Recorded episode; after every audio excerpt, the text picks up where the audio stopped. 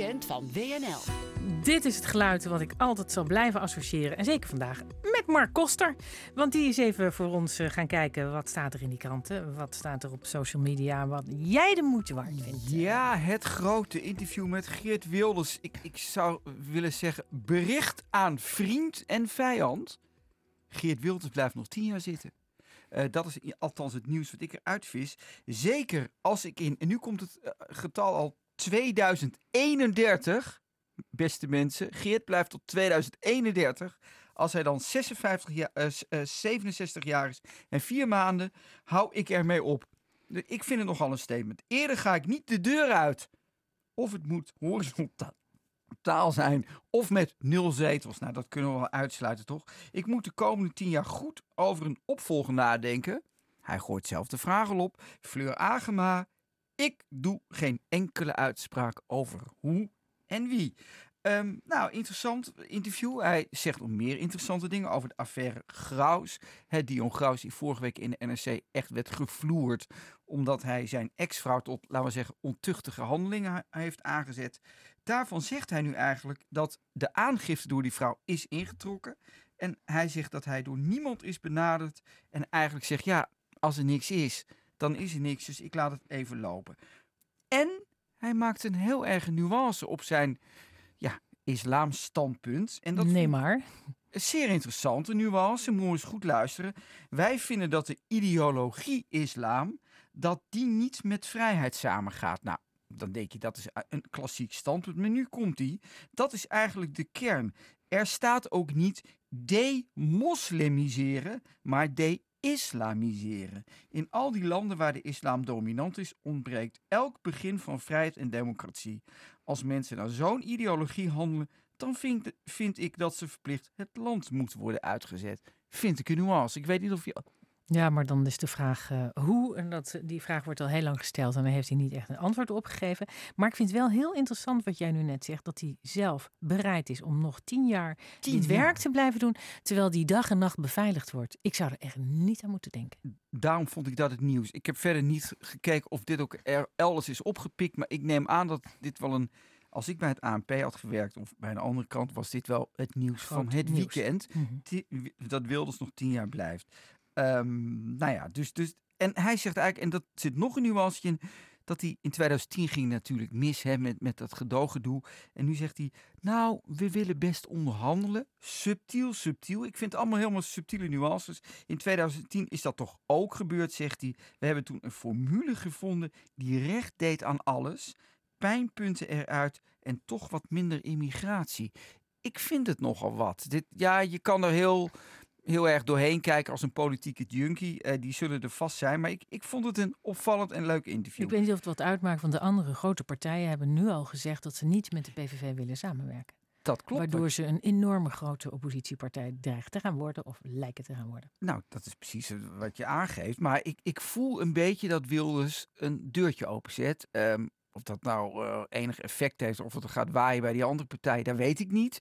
Maar zo zie ik het. Maar andere mensen mogen het anders zien. Ik vond het zeer subtiele hints zaten erin. En dat hij nog tien jaar blijft is geen hint. Dat is gewoon een vriend en vijand wakker worden. Geert blijft. Dan ja, een geweldig interview. Nergens opgepikt toen ik het vanmiddag zag. 400 kijkertjes haalde het op uh, YouTube. Een interview van 30 minuten. Nee, een lezing van 30 minuten met van Pieter Omzicht in een bos ergens. Ik weet ook niet waar het was. Het was ook niet geduid. En het was voor een club die ik ook niet kende. De Sociale Christendemocratie. Ik dacht, christendemocratie is al een beetje sociaal. Maar dit is een aparte tak nooit van gehoord. Maar Letterlijk. Het geweldige, een geweldig voorbeeld van omzicht. En hij gaf dan nogmaals zijn reuksignaal af. En eigenlijk wat hij daar deed, som, omzicht haalt eruit naar het modellenfetischisme, zoals ik dat omschrijf. En hij verklaart het tekentafelpolitiek helemaal failliet. En hij, ik heb het even. De modellen van wat? Nou, daar heb ik een fragmentje voor en dat laat ik je nu even horen. Oké. Of het nu dus gaat over belastingen, klimaat- of milieumaatregelen inkomenspolitiek of zelfs coronamaatregelen, we maken modellen. En daar is in beginsel helemaal niets mis mee. Maar deze modellen bepalen in toenemende mate het beleid. En daar is wel iets mis mee. Want modellen beschrijven de werkelijkheid, Maar de werkelijkheid is buitengewoon complex. En per definitie niet volledig in een model te vangen. En op het moment dat we dit vergeten, gaat het mis. Ja. Ja, Ja, hij is Hij is- econometrist, hè? ja, maar ik vind het mooi aan een econometrist is dat een econometrist als eerste ziet dat een model niet werkt. Dus dat is een- het paradoxale aan die omzicht, waar ik natuurlijk toch een lichte ja, crush op heb, mannencrush. Eh, en, en dat vind ik dus wel interessant aan hem, dat hij dus die modellen eigenlijk ontrafelt en zegt, daar past niet alles in. in, de, je moet er echt naar luisteren. 30 minuten lang geeft hij allerlei schrijnende voorbeelden, ook uit, uit vroegere tijden, uit andere landen. Eh, en, en toen wij dit aan het voorbereiden waren, appte jij mij, Mark, heb je dat al gezien op het RTL-nieuws? Een volgende modellenvoorbeeld dient zich aan. Hebben natuurlijk de toeslagenaffaire gehad. Maar wat je dus nu ziet, is dat er een, weer een toeslagenaffaire is voor on, on, eh, onterecht uitgekeerde toeslagen aan arbeidsmigranten. Die hebben dat gekregen. Die arbeidsmigranten hebben ook volgens de modellen soms gezegd, nou, eh, dit past mij niet, dit moet ik niet hebben. Maar de Belastingdienst heeft dat niet teruggevorderd of teruggevraagd. Met andere woorden, nu komt er een soort claim aan aan die mensen. En je voelt al aan, dit is weer eh, ja, een soort door, doorgedenderde binaire wereld. Hè. Het is één of het is nul. Ja, de econometrist, Of één er of wordt, nul. En maar de veel- menselijke maat helemaal weg. Ja, ik heb nog niet begrepen dat ze dat moeten terugbetalen. Ik begreep gewoon dat ze heel eerlijk zeiden: we hebben een vrouw en kinderen in een, in een ander land. Maar dat ze dan toch een een-ouder toeslag kregen en dat ze die dan onterecht hebben gekregen. Ja, maar er zijn ook mensen die dat hebben aangegeven dat ze dat niet, niet mochten hebben. Maar daar heeft de Belastingdienst verder niet op gereageerd. Dus, en daarom is die speech zo goed. Die, die als, als je tijd hebt, of als de luisteraar tijd heeft, toch even moet bekijken. Want daar zit veel meer achter dan die toeslagenaffaire. Dat is het hele probleem erachter. Nou, ik wil hier de verder geen fiscus is nog stemadvies. niet eh, klaar. Dat Geen weet ik wel. stemadvies, maar wel een duidelijke hint. Net als Wilders een hint gaf.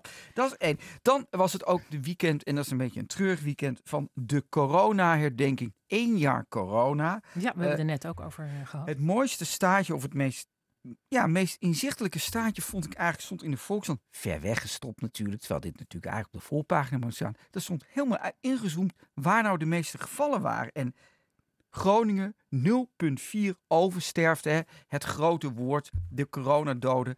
21 mensen zijn dat 0,4 procent. Maar in het hart van Brabant, eh, nummertje 22, 19,3% oversterfte. Dat is natuurlijk verschrikkelijk veel. Dus daarmee zie je dat de corona heeft erin heeft gehakt, vooral in Brabant. En waarom begin ik daarmee? Loon op zand. Daar was patiënt nummer 1, Joost Bons, Boons, moet ik zeggen, Joost Boons, patiënt nummer 1. En die kijkt terug op hoe hij patiënt nummer 1 werd. Hij werd natuurlijk eerst als een soort paria behandeld.